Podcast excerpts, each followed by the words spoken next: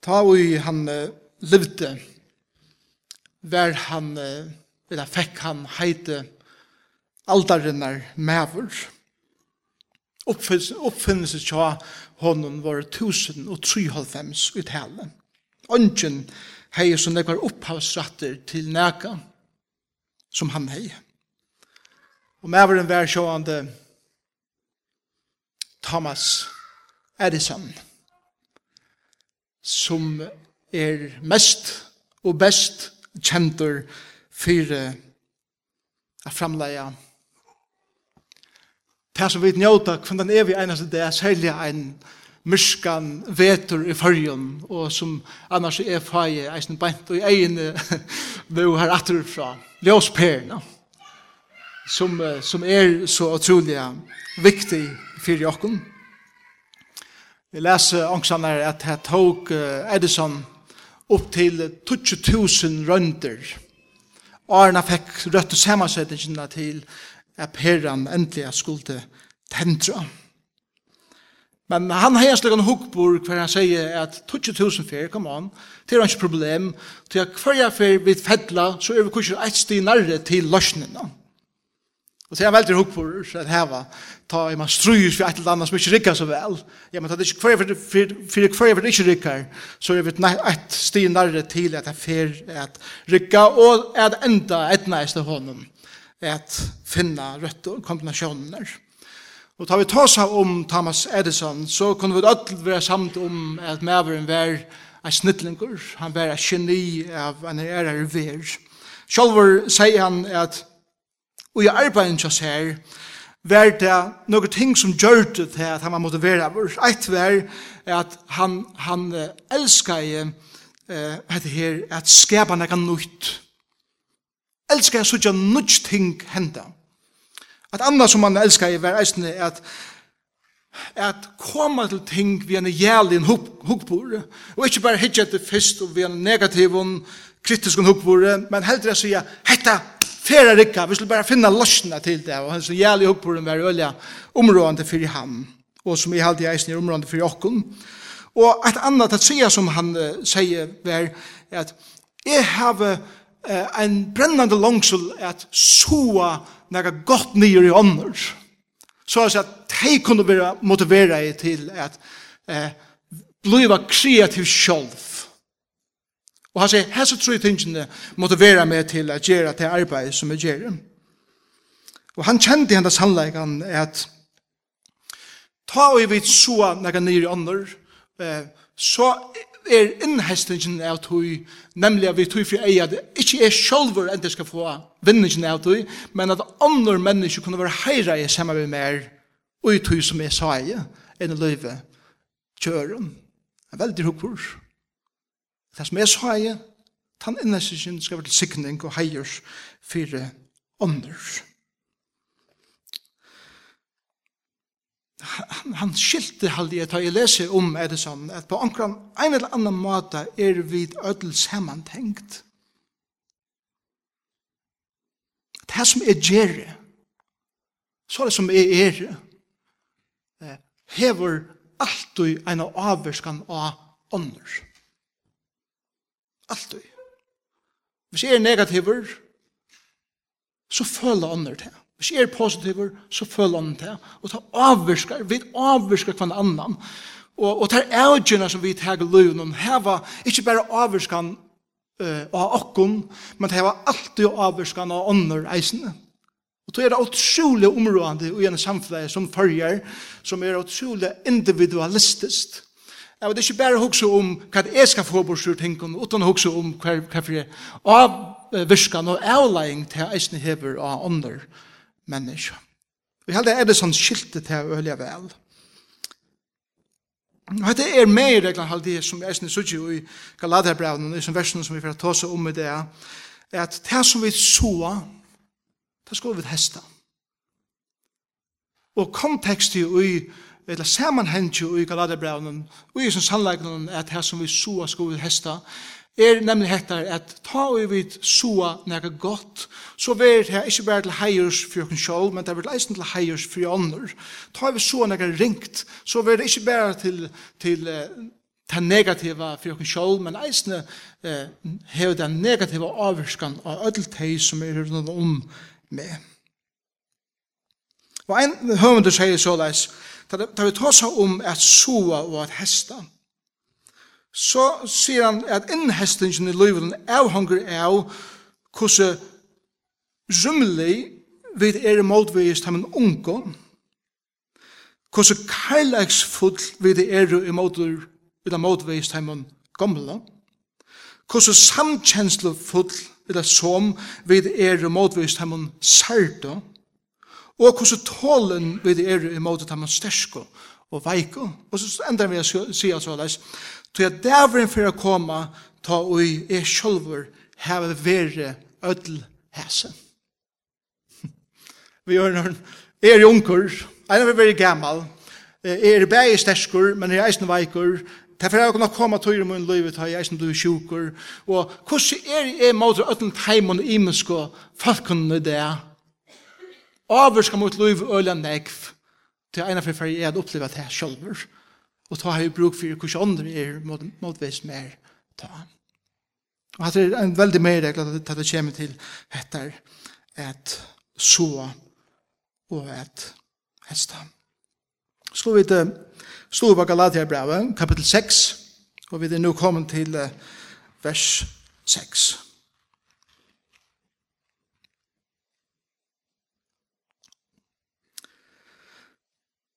han som opplærdur veri i årene skal djeve honom og opplære han parst vi ser og i ötlum gåun.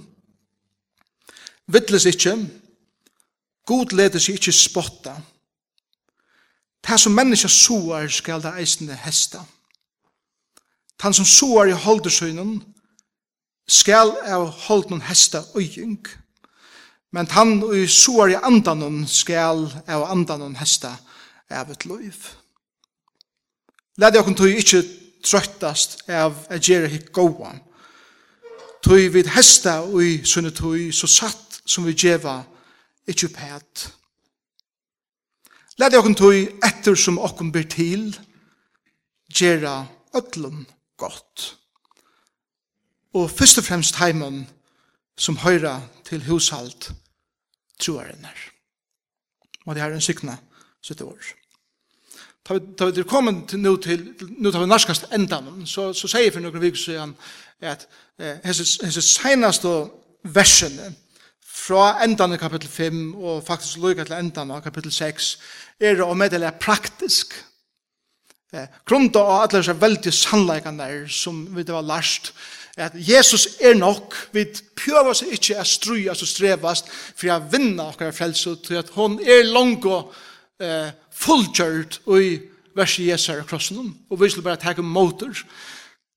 Det skaper i akkurat livet for det første en, et utrolig grunderlig bygge at det kan kvile, og at jeg er fullt elskaver, jeg er fullt god teaching.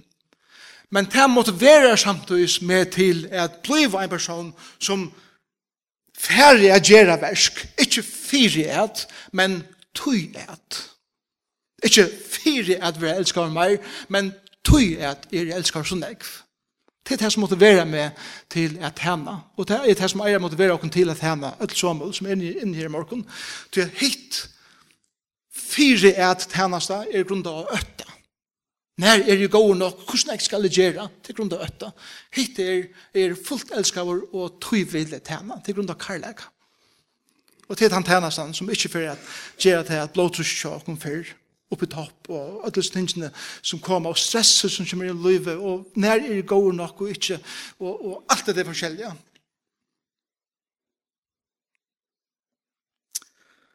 Så sier Paulus, vi enda av kapittel 5 og inn i kapittel 6, er at det andre livet, det kristne livet, er alltid i relasjonen. Det er det samme som at så leis som er, er i fri øren, avvarskar. Og så sier han, det hever nega vi til at ikke lytte til pommaner, ikke på stolter, det hever nega vi til at gjøre bare at nyer og hjelpe øren, det hever nega vi til at gjøre at, at kommer vi lina av en person og hjelpe henne å bære sine byrå. Men til er eisen jeg vil ta å gjøre hjelpe henne å gjøre at alt kommer til at vi har et arbeid for henne selv. Men i hesen versen som vi kommer til det, så fer han faktisk er kontekst her, at jeg har valgt ikke affære så ræren jeg akkurat han veien, selv om kontekstet er til, og det hever beinleis vi penger jeg gjør. Det er det samme som at Ta kristna løyve, det er vi at tema hver nøren, vi har hjelp på hver nøren, men det er eisen jeg vi gjøre, er at ikke halda så fast i okra ekne pengen, at ånder ikke vil sikne i at heim. Det er faktisk det som dette her handlar om. Det han sier Og i vers 6. Han som opplærdur verur og i åren skal djeva honom og i opplær han parst visa sjolvon og i ötlon gåon. Hei, det er ikke veldig verst som er brukt i det. Jeg er tikkara opplærare og skulle hit ötl djeva mer ötlon tikkara. Hatt er en veldig tekst som er manipulera tikkande det at, at, at, at, at, at, at, at, at, Det tror jeg ikke valgte for at han er igjen. Og det er heldigvis det som teksten sier. Hvis jeg er ferdig han veien, så har jeg misnøyt teksten. Men hesten teksten sier, det som er suttjo i sin versen, er det her at Hetta talar ikki beinleis um læraran i samkomne som er. Hetta talar meir um te at við öll er í posisjónini av at við først er tega motor og við først eisne er geva tog at öll på ein eller annan måta ui til kristna liven er vi til at djeva øren og vi njóta gott av tog som, som teg djeva okon vi er tei tjokken tale eller tjokken sang eller imislø av tana så vi öll er og bægi ui mottakande endan men eisne ui til djevande endan. Og tog er meir reglan i hessan versen hendan at minst til at du er ikke bare en djever og vant at du skal få for ætlun. Du er eisen mottakare og du skal du eisen være en person som djever. Av tynnen eh, oknum, av tynnen gavun, av tynnen tøy og av tynnen orsko til ånders. Og ta og tøy heira vid kvann annan. Faktisk litta vid kvann annan opp vi at eh, hjelpa okkom handamatan. Og så er det øyla viktig til det. Jeg vil se det atter, jeg vil stafeste det. At trobeleisen mengan og i samkommeløyve er til at de som standa her framme, og særlig er som en leiande personer i samkommet her beint, og, og mitt navn kommer øyla nek fram, og er han som, som standa fremst, og så videre. At, at man setter ærna og i de personene som standa fremst, og gløymer hva det velja snur seg om. Vid ødel heva tænaser som er lyga viktiga fyrir gode, eisnet her som er gømdar at han vil kulissenar, i fyrir gode er det her lyga områande og lyga nek verdar som allar er er tænaster. Og tog halde jeg, og jeg vil minna sankum nå, at ikkje fettla i hattar at byrja litta nekra avvisa personar og på pedestalar og gjerra teg større enn annars. I for gode er vi öll akkurat lyka. Og vi standa framfor hans herre asjon og gjeva honom ærna og heiren og dårdna fyrir hver han er. Det er samkommet løyv. Og her eier vi at jeg vera som, eh, som tryggvande folk. Det er det samla kristna løyvet. Det er det samme som at samme vers lærer okkon at vi eier ødel vera vi til at stola samkommende og teimen som er vi til at eh, lytta dette verset opp.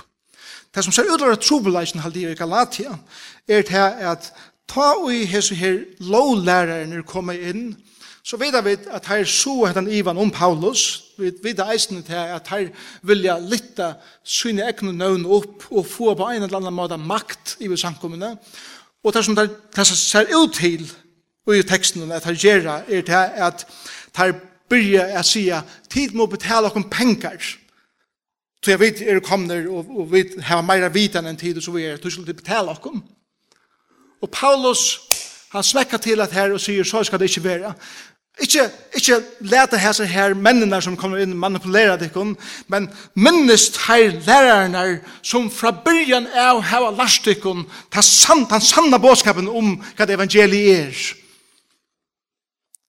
Men det som er hent er at her er krøster ut, og, og flere av dem hadde kanskje det som livet brei, er at lære samkomna, men det har mist alt grunnarei for å kunne liva. Og Paulus minner deg å minnest færre atter til hese her lærerne som opplade dekken fra byen av. Paulus er jo i ferd vi å blæka hinner ut atter ur samkomna, og han, han gjør det øyelig greit. Så sier han i, i i vers 6. Vittles ikkje, god leder seg ikkje spotta. Jeg, jeg ser det hukket nok så langt etter versen om det, hva, hva dette betyr, til at veldig ofte så vil hatt at tidsi, jeg synes det ur kontekst, og hvis anker gjør et eller annet skreft, så bruker det det der, god leder seg spotta. Men jeg heldig ikke det er akkurat kontekstet herbeint. Det som jeg heldig er viktig er skyldig herbeint til dette er at det er som folk ser det ut til i samkomne i Galatia, eller samkomne noen i Galatia som ikke vil til djeva. Det var så, det hilde synen pengen og synen åknen så tatt et seg selv at de ikke ville lute det vi øren. Og det er akkurat som Paulus sier vidt deg, Det kan godt være at de suger ut til å være folk som er øyla positiv og suger ut som de djeva, men god ser inni til hver hjørste, hver til hver eh, hukkbor er og hver til hver hjørstele er. Og, og i stedet for at, at omsettet at god leder ikke spotta, så kunne vi sagt at gåen før skal god leder ikke lumpa. Vi gjør når folk kunne godt halte at du djever er den men god ser virkelig at det som ganger fyrir seg, og i tøyne liv. Ikke snuita god. God sier nek djupre enn to sørst. Og så sier han, du er det som mennesker sover skal ta hesta. Så fyrsta medreglan er, som jeg sier, heiri ånder til ødler til verd. Andre medreglan er hettar, eh, ikke halda atter at heira folk til god ser. Og det tredje er dette, det som du soar skal du hesta. Det som vi gjør uiløver ui får vi et vinning at det fire, antil negativt eller positivt, antil pluss eller minus.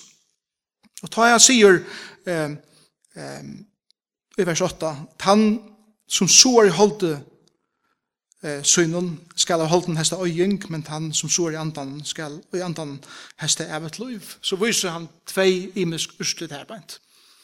Og han sier, han brukar hese myndene av bøndan og sjående, bøndan han sår og han veit at negra måneder settene så fer det at vekse opp. Men, fa men faktisk veit han eisne er at ta og i saie, så fer innhessingen er vera negv større, negv meire av det. Så hvis jeg er så, jeg eh, imest negativt. Og han sier her beint, han som så er i holden, og vi har langt tåsa over om versk holdsens. Hvis jeg så er jeg eh, kjølsøkene, hvis jeg så jeg hæter, hvis jeg så jeg hevesjuke, hvis jeg så jeg til at, at være fullkomna bunden av materialisme, hvis jeg så jeg til ringa, så får det å byta med nekv større atter skjettene, og det fer a trusta med nyer, og det fer eisne jeg valgte øren og trolig sorg, og eisne nyer gjering, og til møvlensle. Men så er det her som ratter, halte jeg ikke atter av til gåa, og sikning, og positiv år, og, og alle disse tingene inn i livet i øren, så skal han eh, innhestingen vera til så omedelig så sikning for så utrolig nok ånder enn bæra med sjolvan. Og jeg hadde det her som Paulus røyner at jeg viser okken og i sånne her versen. Jeg leser en øyla eh, og har vært grein om Ludwig van Beethoven. Jeg har nevnt Beethoven i en ære her tale. Men jeg visste ikke det her. Og i år 2000 var det en visendamæver som heter Dr. William Walsh, som uh, forundra prosjekt hver de grev av og lyge til Beethoven oppatr. Jeg visste ikke jeg Og ter, ter tog noen har samplar eh, ur høtten og tjanen, eller ur eh, kistene, eller jeg vet ikke hver han var graver, eller hvordan han var graver. Men det er mye. Det gjør det, det gjør det sånne kanninger vi i sånne hærnen. Og nyestøvann som det kom til hver hentan, Petra en døye som skjer alt som kjører gammel. Og det er at deia årsøkjen til Betefen, at han langt døye skjer alt som kjører gammel, var blodforgiftning blodforskiftning. Jeg også sier, ok, det lever avhverst. Så får dere kanna hvor det måtte være, hvor har han så stora mångt av blodtjå lika med tjasar som var nekk meir enn tja en vanlig person. Og derfor så kan det hva det måtte være. Og kan ikke eh, faktisk være spåret atter til et mineralbæ som betefen regliga får til bare for å kunne slappe av og gjøre en stund. Så han får og gjør seg naturkjeltene. Han brukte nekva tog her på ent. Og, og kan ikke han visst at og i verleggen om det som Beethoven eh, gjør det og i sin deg for at skaffa seg kvult og samla styrke faktisk var det som drep han. Det hentet. Og jeg sier, wow. Wow. Her er nekkur sannleikar ui hesten her til liv. Vi eier at ansa vel etter hva det er verda som vi investerer akkara tui ui. Vi eier at ansa vel etter hva det verlig er som vi investerer akkara penkar ui. Jeg anser vel etter hva det er verlig som vi bruker akkara tui til og hva vi hukser om. Og sjalt om det kan tidsast positivt og rett på nega måter. Hvordan ser det ut ut i stora bøyleden? Kan det bli til ting som er enda for å gjøre av i åkken? Og hatt er, hatt er en omedelig rannsangete spørninger. Jeg spør spyrir seg sjåvan. Hva er det velja som er sag i ulvene? Er det som jeg sa i bare min egne vinninger, så jeg sa at jeg kan ha framgång, så jeg, og det er ikke gærlig til seg selv til et punkt. Men som en høvende sier, halde jeg øyla vel, det er nekv som pengar ikke kunne kjeipa, pengar, pengar kunne kjeipa en sång, men ikke svøvn. Pengar kunne kjeipa bøker, men ikke vysdom Pengar kunne kjeipa mat, men ikke matalist. list. Pengar kunne kjøpe prøyes luter, men, luter, men ikkje vekerleika. Pengar kunne kjøpe et hus, men ikkje et heim. Pengar kunne kjøpe heilevå, men ikke en goa helse.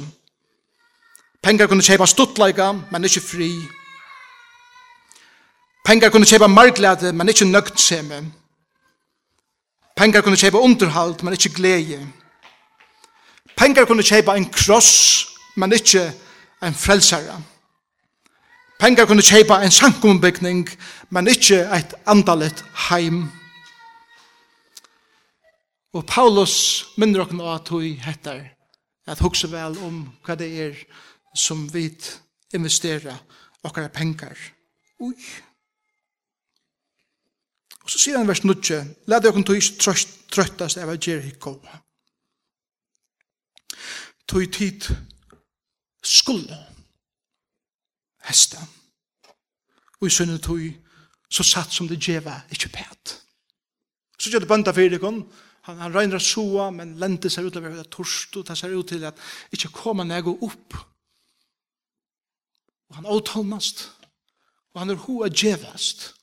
Men Paulus sier at han, den bønden som kjenner hjørna, og som dår at, at, at velta hjørna og, og, og færa vi hjørna at han hatt som eier at, at er vera velt. Blivet vi, han djever, han djever ikke opp.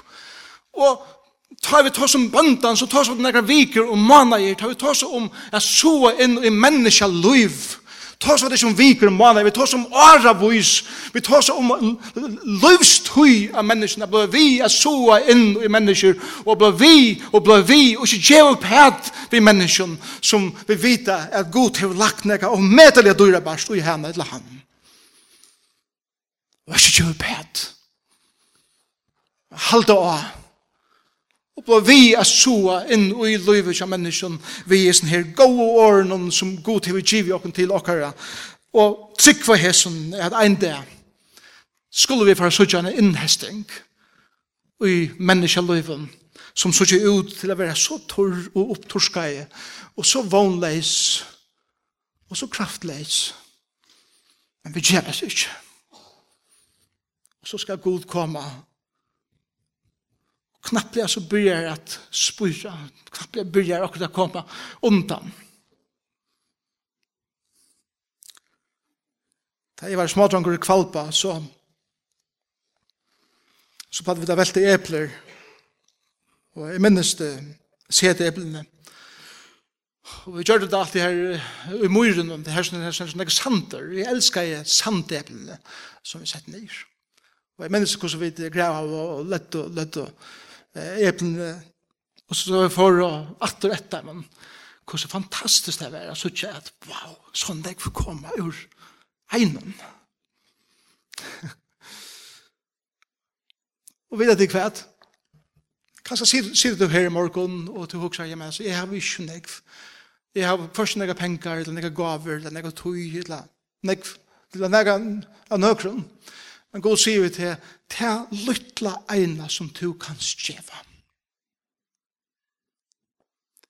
Skal han markfalda. Det er favor kroner som du kan skjeva liver, skal han markfalda. Den lytla tøyen, selv om du er så opptidsen, som du offrar eika til at ære herren vi, skal han markfalda. Han er en spesialister ut. Anjun du er så vel som han. Han er markfalda. Og tog er henne oppmundringen til okken som samkomma, ikkje tjeva pæt. Ikkje løyva til ønde er få til at hukse at hessen to hever nyttar og ikke, eller at hessen lyte. Tog jeg vil heva mastara, som tar av kjemer mastarens hånd, kan gjøre det til så utrolig sikning og til heiers for så mange ånder. Og så sier han vers 12, «Læt jeg okken tog etter som okken ber til, som okken ber til. Han gjør ødlen godt. Og her fer han og, og, og vikka det ut etter. Han gjør ødlen godt. Thomas Edison var, var som evren som var så utrolig positiv. Og jeg les om Edison at um, han elskar ikke øren og allitt. Og han, han leit av folk at gjøre sånne oppgaver vel. Han tog det vel at utdelegere. Og jeg leser om at han endelig var kommet til perene som nu skulle testas. Og dette var den sørste rønten. Så får han ivet til en unga mann som arbeidde i alle laboratoriene i hans. Ivet vi, vi perene til han, og sier vi han, kan du tega seg perene opp på neste hatt, det her som testrumene var, Kan du tega han opp og få han å testa igjen. Og ta i som mæveren, unge mæveren er kommet halva lei oppsøkken trappen der, detter han, og han misser perene, og pera fyrir sår. Og han kommer krupa nir at utkjen trappen der. Og han vant seg en ordentlig skorsflønge fra Edison. Edison hikker at brottna glasen, og han vender seg til følge og sier, ja, så vender vi det Når det er ned, så er neste peran klar. Er det sånn teker disse perene, for jeg vil til samme unga mannen, og sier vi han, vil du fære på av disse perene, og teste han. Jeg snur ikke med den han. reiste seg opp. og tok perene så varliga som han kom til, til at Pera var så utrolig at døyre arbeid, for han til han finnes jo heiren, jeg fer på at vi Peren. Han helt at han var omgang til å få oppgaven atter. Han helt at, at, at han var fattelen, og han sa at chans var for for, forbo i og andre fikk heiren, jeg fer opp i Peren. Men også det kan synes, kan synes, unge mer må kjenne det, han får opp sin trappen her, Varliga. men han kjenner seg opplyttan og størskan, og, og ikke anna kunne endreist henne mannen så vel og så kjøtt som det som er det som gjør det. Så det er det som det betyr at heira ånder. Og det er det som vers 20 sier, lad jeg etter som åkken blir til at gjøre øtlen godt. Jeg så godt inn i livet av feltet, som er det som gjør den unge mannen, og da, han reiste seg opp, og han gjør det sitt arbeid til lytar. Så spør jeg spørningen, hva hva, hva soar du? Hva sa jeg? Hva soar vi som, som samkommer? Hva er det luttla som vi eier til ivers? Kunne vi gjeva? Men hva meir enn det gjeva to? At hun pengon, at hun tøy, at hun orsko til herren. Er det bare iverskottet som han fer? Er det testleie, saing, eller er så en soare som sier at at det skal kosta meg nega. Og jeg så nega veldig godt inn i livet og inn i rydde gods og i okkara land. C.S. Lewis han, han har en, en fantastisk tale eh, om noen helt andre ting, men jeg har omskrivet sindra som man sier vi vujande tøtningen av fyrir luttlar i avgjere i løyvenen. Han sier, hver eneste lytle avgjør løyven og verer en grunnleggjande, eller vendur en grunnleggjande parste at her en ve som kvarja fer, fer et sindur borster fra her som det varst avur. Og ta et du hikker at løven som held, så hever hver lytel avgjør myndeleikan er mynda til til en djevande skapning, etla til en krevjande skapning. Ante til en skapning som er samljave vi god, vi ånder og vi sjolvan, etla til en skapning som er i støvun krutje vi god, vi ånder og en sjolvan. Tan tjevande skapningren er glede, frier, kunnskaper og kraft. Men hin skapningren er ørskaper, måttløse, freie og einsemme. Og tog spyrir jeg meg sjåan. gjerst du godt. Og Paulus sier, et godt sted å byrja, å gjøre godt er middeltunnen nærmest, middeltunnen brøver og systre. Og herfra, jeg lette til å spreie ut til ødel mennesk, ødel. Legg meg ikke til Paulus sier ødel. Vi har ofte hva være så avmarska i akkurat kristne trygg, men signa öll menneskje, eisne de som standa ter, herrast mot i løyven, de som heva sarst til allar mest og gypst i løyven, de som heta Kristus, de som ønske vil heva vi hana gjerra, her vi finnje framgjøraten er signa vi karlaga Kristus her.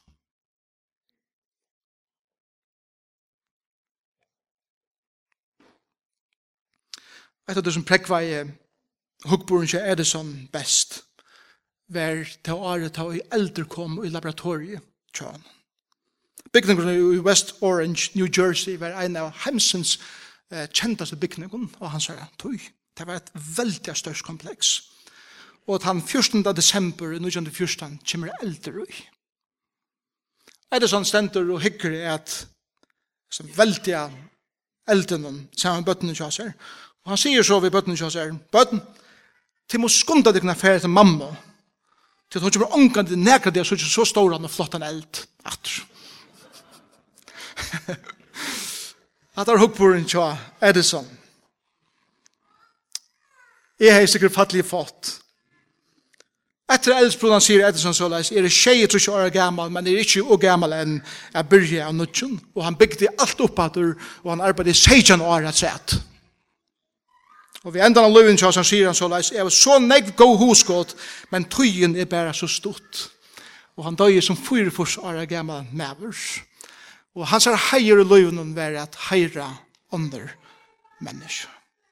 Og måtte det være okkar hoppgård som, som sankomma og som ein staklingar. Måtte det være okkar hoppgård som, som uh, personer som har finnes sånn ek fra herranen i okkar landet. Vi er så sikna i. Og kanskje sier du her i morgen, og du hever en hukkboren, at jeg tror meg ikke djeva nega som helst inn i rydde gods. Jeg skal bare være mottakere, og jeg vil ikke djeva. Og jeg vil bare sier til at Paulus sier, God snøyde du ikke. Det han ser så djupt inn til et hjerte. Og du kommer hesta av tog hukkborren, bare negativt hengen til et liv. Og så er det to som er i morgen som har sagt, jeg vil byrje å djeva av min tøy, av min orsko, av tøy som jeg heve inn i herrans versk, inn i Guds rujtje, og i hesten heime. Og to for å byrje å sutja sikningar Guds koma inn i tøyt løyf. Jeg får ikke stande her og lova nøkru materielle sikningar. Men jeg kan lova der at God skal djeva her noen ting og noen aspekt inn til et liv som du ikke har oppdia av. Jeg får helst stande her og lov at det er unga trobleikar. Det er heldig at trobleikar i livet er nemlig at Guds mat er bo nokkene på. Men i jøkken tar trobleikarna og i jøkken tar tunge byrene som du hever i livet. Vi steg for å sette fokus inn av den egna nalva ta, jeg sette fokus inn av hvor herren er og hva han har gjørst så får du oppleva at byrjene får være lagt her. Og at ånden får være sikna i og gjør dem tøyt liv. Og ikke er større i livet enn å sutja at det lytta som jeg kan gjøre være ånder mennesker sikna i vi og til aller sista være herrens navn arst og gjør.